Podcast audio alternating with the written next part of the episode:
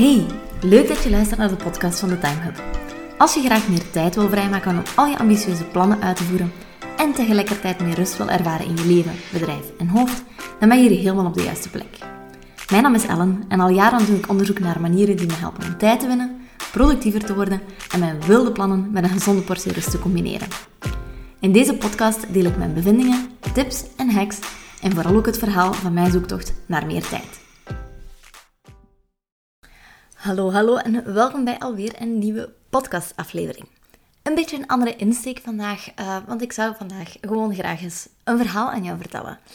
Laat me toe om uh, ja, deze podcast te gebruiken om eens even een dag in het leven te schetsen van twee onderneemsters.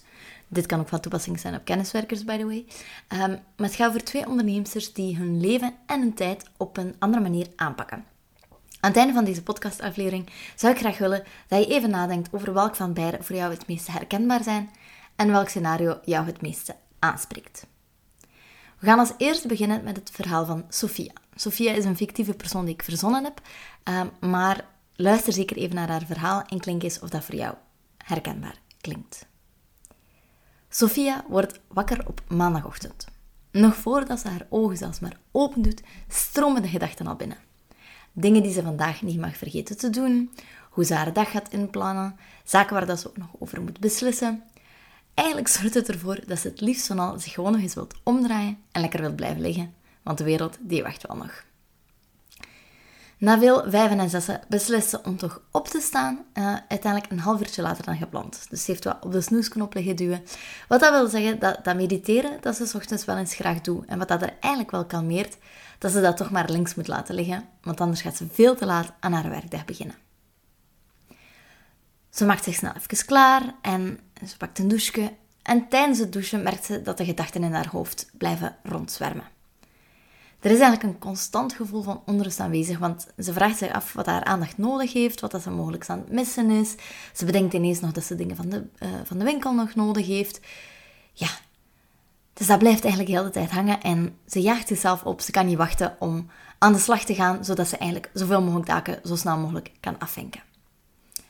Wanneer dat ze zich klaargemaakt, snel even heeft gedoucht, misschien een klein beetje make-up op haar gezicht heeft geplamuurd, neemt haar ontbijt, ze had dat de avond ervoor al voorbereid, en vooral een grote mok koffie, want ze heeft het nodig. Ze zet zich meteen achter haar laptop en ja, checkt als eerste haar mailbox. En van alle berichtjes die in haar mailbox zitten, ja, wordt ze eigenlijk best wel overweldigd. Want hoe kan dat nu dat er tussen gisterenavond en vanochtend zoveel mails zijn binnengekomen? En zoveel dingen die erin staan die alweer nog moeten gebeuren. Er staan ook een paar belangrijke berichten van klanten in, een paar urgente onderwerpen. Ja, en dat creëert allemaal een gevoel van stress bij Sofia. Ze weet nu al dat dat alvast haar hele ochtend wordt, puur doorheen die mailbox geraken. Wegplannen om aan haar bedrijf te werken. Een paar uur later is ze eindelijk door de mailbox en is tijd om te gaan lunchen. Yes, oké, dat gaat ze toch kunnen pakken, op zijn minst die lunchpauze. Tijdens de lunch denkt ze, ah oké, ik ga even gewoon mijn gedachten verzetten, ik ga 10 minuutjes door Instagram scrollen. Die 10 minuten worden uiteindelijk een half uur. Oké, als we eerlijk zijn, 45 minuten, waarna ze terug plaatsneemt aan haar bureau. Alright, het is tijd. Ik kan mij eindelijk focussen, of zij kan zich eindelijk focussen op de prioriteiten die ze voor zichzelf gesteld heeft.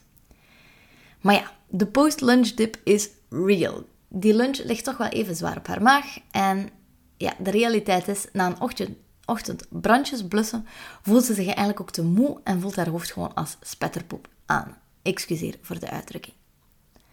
Ze beslist daarom om ja, een paar andere, kleinere taken op haar takenlijst aan te pakken. Andere dingen die klanten van haar gevraagd hadden. En ja, wat kleine dingetjes die haar bedrijf niet per se vooruit helpen. Maar dan kan ze die op zijn minst toch wel afvinken. Want dan heeft ze tenminste morgen tijd om aan haar bedrijf te werken. Tussendoor beantwoordt ze ook nog wat berichten via Slack, Instagram, WhatsApp en houdt ze haar mailbox nog in de gaten.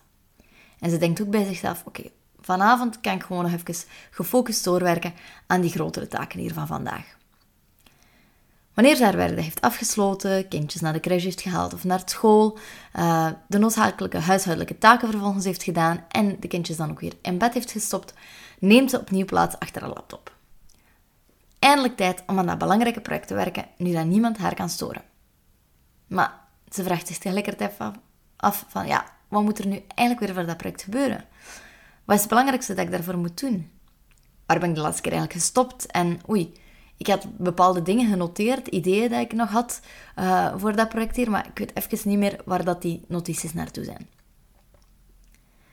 Dat is een patroon dat zich elke dag opnieuw en opnieuw en opnieuw herhaalt, totdat Sofia het echt helemaal gehad heeft. Want if this shit, waarom zou ze nog moeite doen? Waarom zou ze nog tijd en energie in haar werk steken en hopen dat ze zo de zaken vooruit kan doen bewegen, als haar tijd gewoon zo wordt ingepalmd door alles wat daar op haar af blijft komen?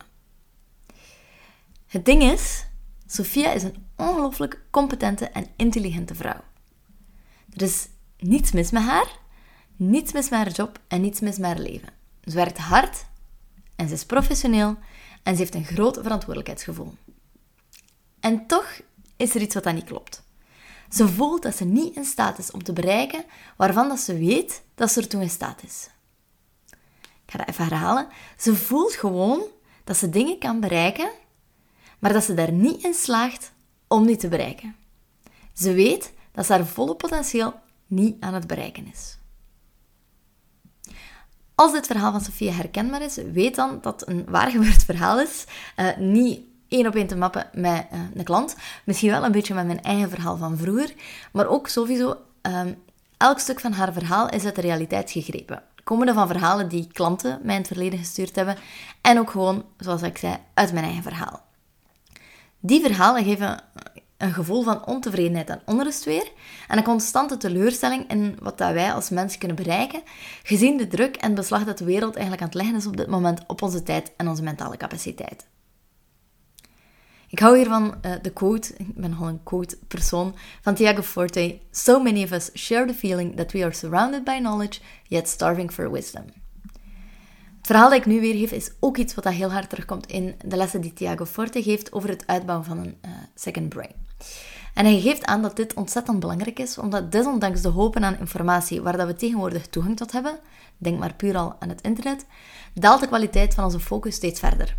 We worden eigenlijk steeds meer en meer verlamd door het conflict tussen al onze verschillende verantwoordelijkheden en de wensen die dat we ook nog hebben, zoals voor onszelf zorgen, waardoor dat we eigenlijk nooit echt de kans hebben om te rusten.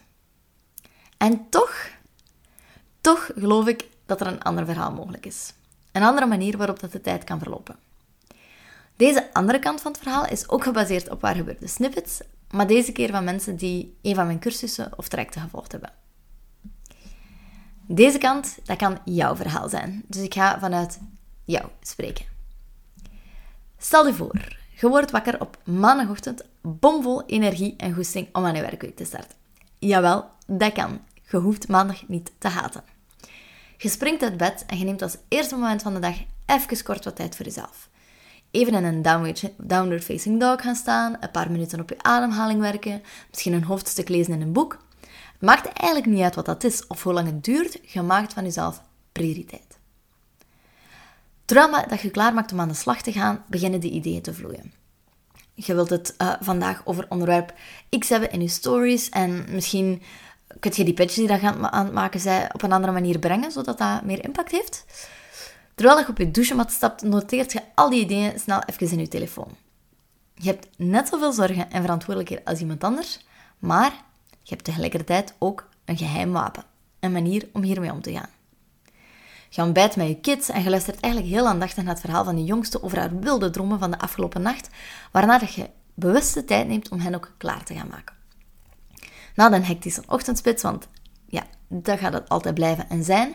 Van het droppen van je kids aan de school, schoolpoort, bedenk je in de auto dat er bepaalde uitdagingen zijn in het huidige project dat je aan, het werken bent, waar dat je nog niet aan gedacht hebt. Je roept even snel een audiomemo naar je telefoon, die dat automatisch in notities wordt opgeslagen. Wanneer dat je klaar bent om je werkdag te starten, is het eerste programma dat je opendoet het programma met alle je taken in op je computer. Je had vrijdag voor de start van het weekend al even je prioriteiten bekeken en ook high-level gedefinieerd wat je deze week wil aanpakken. Je kiest een aantal van die taken uit waar je vandaag als eerste aan gaat werken en de eerste drie uur gaat je telefoon in niet-storen modus, waarbij enkel hele dringende telefoontjes, zoals bijvoorbeeld van de school, kunnen doorkomen. Je werkt echt met volle focus door en na die drie uur heb je alvast een ontzettend, ontzettend voldaan gevoel. Maakt eigenlijk niet uit wat er vandaag verder nog gebeurt. Je hebt alvast je belangrijkste taken van de dag van je lijst kunnen schrappen.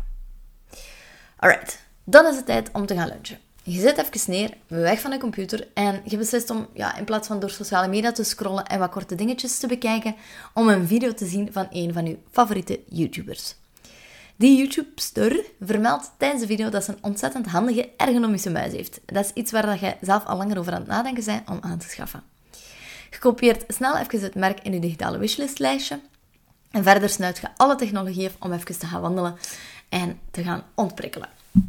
Dus tijdens het wandelen zorg je even niet voor prikkels door middel van een podcast of muziek, maar geniet je vooral van de geluiden van de natuur die binnenkomen. En toch, door te gaan wandelen, creëert je eigenlijk een soort van ja, creativiteit. En het gebrek aan die productiviteit op dat moment zorgt even voor een filosofisch momentje. Je checkt even in bij jezelf. De projecten waar dat ik nu aan het werken ben mm, en de zaken waar dat ik nu tijd aan geef, zijn dat eigenlijk de dingen die dat er voor mij echt te doen? Ben ik met de juiste dingen bezig om mijn doelen te bereiken? Past dit alles wat ik nu doe binnen mijn lange termijn visie? Je weet dat nu niet het geschikte moment is om hier echt heel diep op in te gaan, want je moet wel op tijd terug achter de computer zitten. Dus je noteert die vragen om er op een later moment dieper op in te gaan en een keer wat meer over na te gaan denken. Net zoals iedereen, tijdens de lunchpauze haalt je eigenlijk je smartphone boven, maar je gebruikt hem dus op een andere manier. Je gebruikt hem om waarde te creëren, niet om tijd te doden. Na de lunch heb je eigenlijk een meeting met een klant. Eh, je duikt even in je notities van de vorige keer om hierop verder te bouwen en vult deze aan met alle gedachten, ideeën en ook een helder overzicht van de vooruitgang in het traject. Er moeten nog een aantal belangrijke zaken wijzigen in het project dat je voor die klant doet. Dus je noteert de taken apart en maakt meteen digitaal notities over wat er precies nog moet gebeuren. Pas na de meeting check je voor het eerst je mailbox. Je neemt elk mailtje één keer vast en beslist heel helder over de volgende actie. Houdt deze mail in taken? Is het informatie die ik misschien voor later moet bewaren? Je zet alles op de juiste plaats en vliegt zo door je mailbox heen en binnen het half uur is je inbox leeg. Je behoudt dezelfde aanpak in het checken van je berichten. Alles wat je binnen de twee minuten kan beantwoorden, neem je op. De rest wordt ingepland en genoteerd. Het is veel om op te nemen, maar je weet dat alles opnieuw boven zal komen wanneer dat effectief nodig is. Vooraleer je op tijd je werkdag afsluit, bekijk je nog eventjes alle notities, taken en ideeën die je die dag genoteerd hebt. Je zet alles op de juiste plaats en evalueert de dringendheid en belangrijkheid van elke taak. Je bekijkt nog even je agenda voor de volgende dag, bedenkt of je prioriteiten misschien gewijzigd zijn en maakt een high-level overzicht van wat er morgen absoluut moet gebeuren. Je sluit je laptop af en vertrekt om je kinderen van school te halen, zonder stress en met een voldaan gevoel. We zijn er nog niet, de dag is bijna rond, maar s'avonds maakt je het eten klaar. Je ziet dat de sojasaus bijna op is, dus je vinkt snel even in je standaard boodschappenlijstje aan dat deze meegenomen moet worden van de winkel. Tijdens het avondeten vertellen je kinderen dat er een schoolfeest aankomt en dat er van elke ouder acties verwacht worden. Potvol koffie zeg, dat is nog een extra project om aan te werken. Je noteert het project op je lijst en je weet dat je er de komende vrijdag tijdens je wekelijkse reviewproces, wanneer je alles netjes op zijn plaats zet, even de tijd voor zal nemen om het in je planning te verwerken. Na een avond vol gezelligheid kruip je lekker op tijd je bed in. Je leest nog even en voor je het weet vallen je ogen dicht en slaap je een heerlijk nachtje door, totdat die bengels van je je weer wakker maken natuurlijk. Je bent vooral een inspiratie voor velen rondom je. Ze bewonderen je organisatieskills en vinden dat je een ontzettend geheugen hebt, zonder te weten dat jij eigenlijk nooit iets probeert te onthouden. Jij zelf weet dat alles wat je nodig hebt altijd slechts een paar kliks van je verwijderd is en dat het enige wat jij nog moet doen, actie ondernemen is. Je hoeft niet langer te wachten totdat inspiratie komt, totdat je volledig voorbereid hebt, totdat je al informatie hebt. Jij kan elke minuut zo optimaal mogelijk spenderen en weet waar dat je tijd naartoe moet gaan. En je bereikt je productieve potentieel zonder je rust ervoor te moeten opgeven. Dat is het tweede verhaal. Ehm, ik durf het eigenlijk bijna niet te vragen, maar zoals ik in het begin had gezegd, wil ik jou ja, toch vragen om eventjes stil te staan en na te denken met wie dat je op dit moment het meeste identificeert en op wie dat het meeste zou willen lijken. Ik ga ervan uitgaan dat het antwoord op de eerste vraag misschien met Sophia is, met de eerste persoon en het eerste verhaal, en dat je als je zou kunnen kiezen, dat jij de tweede persoon zou willen zijn. En weet dat dat kan. Je leven kan er zo uitzien, dat beloof ik u. Maar het start allemaal op één plaats in je hoofd. Door de chaos in je brein te temmen en alle informatie die op je afkomt te structureren, kan je alvast beginnen met bouwen aan jouw versie van het tweede verhaal. Als je wil leren hoe jij jouw versie van het tweede verhaal kan creëren, eh, schrijf je dan zeker in voor mijn Notion Ninja cursus. Dit is de cursus waarin ik jou leer hoe je een digitaal geheugen kan creëren met Notion en vanuit één tool jouw business, jouw planning, jouw huishouden en jouw leven gewoon in het algemeen kan runnen. Ik leer jou van A tot Z met de tool werken, maar ik leer je vooral hoe je hem kan toepassen op jouw eigen manier en er gewoon uh, voor zorgen dat je op die manier meer ruimte in je hoofd en in je agenda kan gaan creëren. Ik zal de link in de show notes zetten. Lees zeker alles rustig eventjes na. En als je er nog vragen over hebt, uh, stuur me gerust een berichtje. Ik ga altijd eh, eerlijke conversaties verkiezen boven gedwongen verkopen. Dus als ik denk dat iets voor jou is, ga ik dat altijd aangeven. Als je iemand kent wiens verhaal een klein beetje lijkt op het allereerste verhaal, um, voel je dan zeker vrij om deze podcast door te sturen. Wie weet kan het iemand helpen om gewoon al te zien wat het verschil is en dat het zeker mogelijk is om dit te gaan bereiken. Voor de rest, uh, als het iets voor jou betekend heeft, uh, post het dan zeker eventjes in, op jouw sociale media en tag me gerust met uh, het Alan van de Vijveren. En dan ja, denk ik dat ik jou gewoon in de volgende aflevering ga zien. Het was een klein beetje een andere type van verhaal, maar toch een heel belangrijk verhaal om eens mee te geven, denk ik. Um, gewoon om al te tonen dat het kan om van punt A naar punt B te gaan. Als ik op een bepaalde andere manier hiermee kan helpen, stuur me dan zeker ook een berichtje. Ik hoor het graag. En uh, tot in een volgende aflevering. Doei!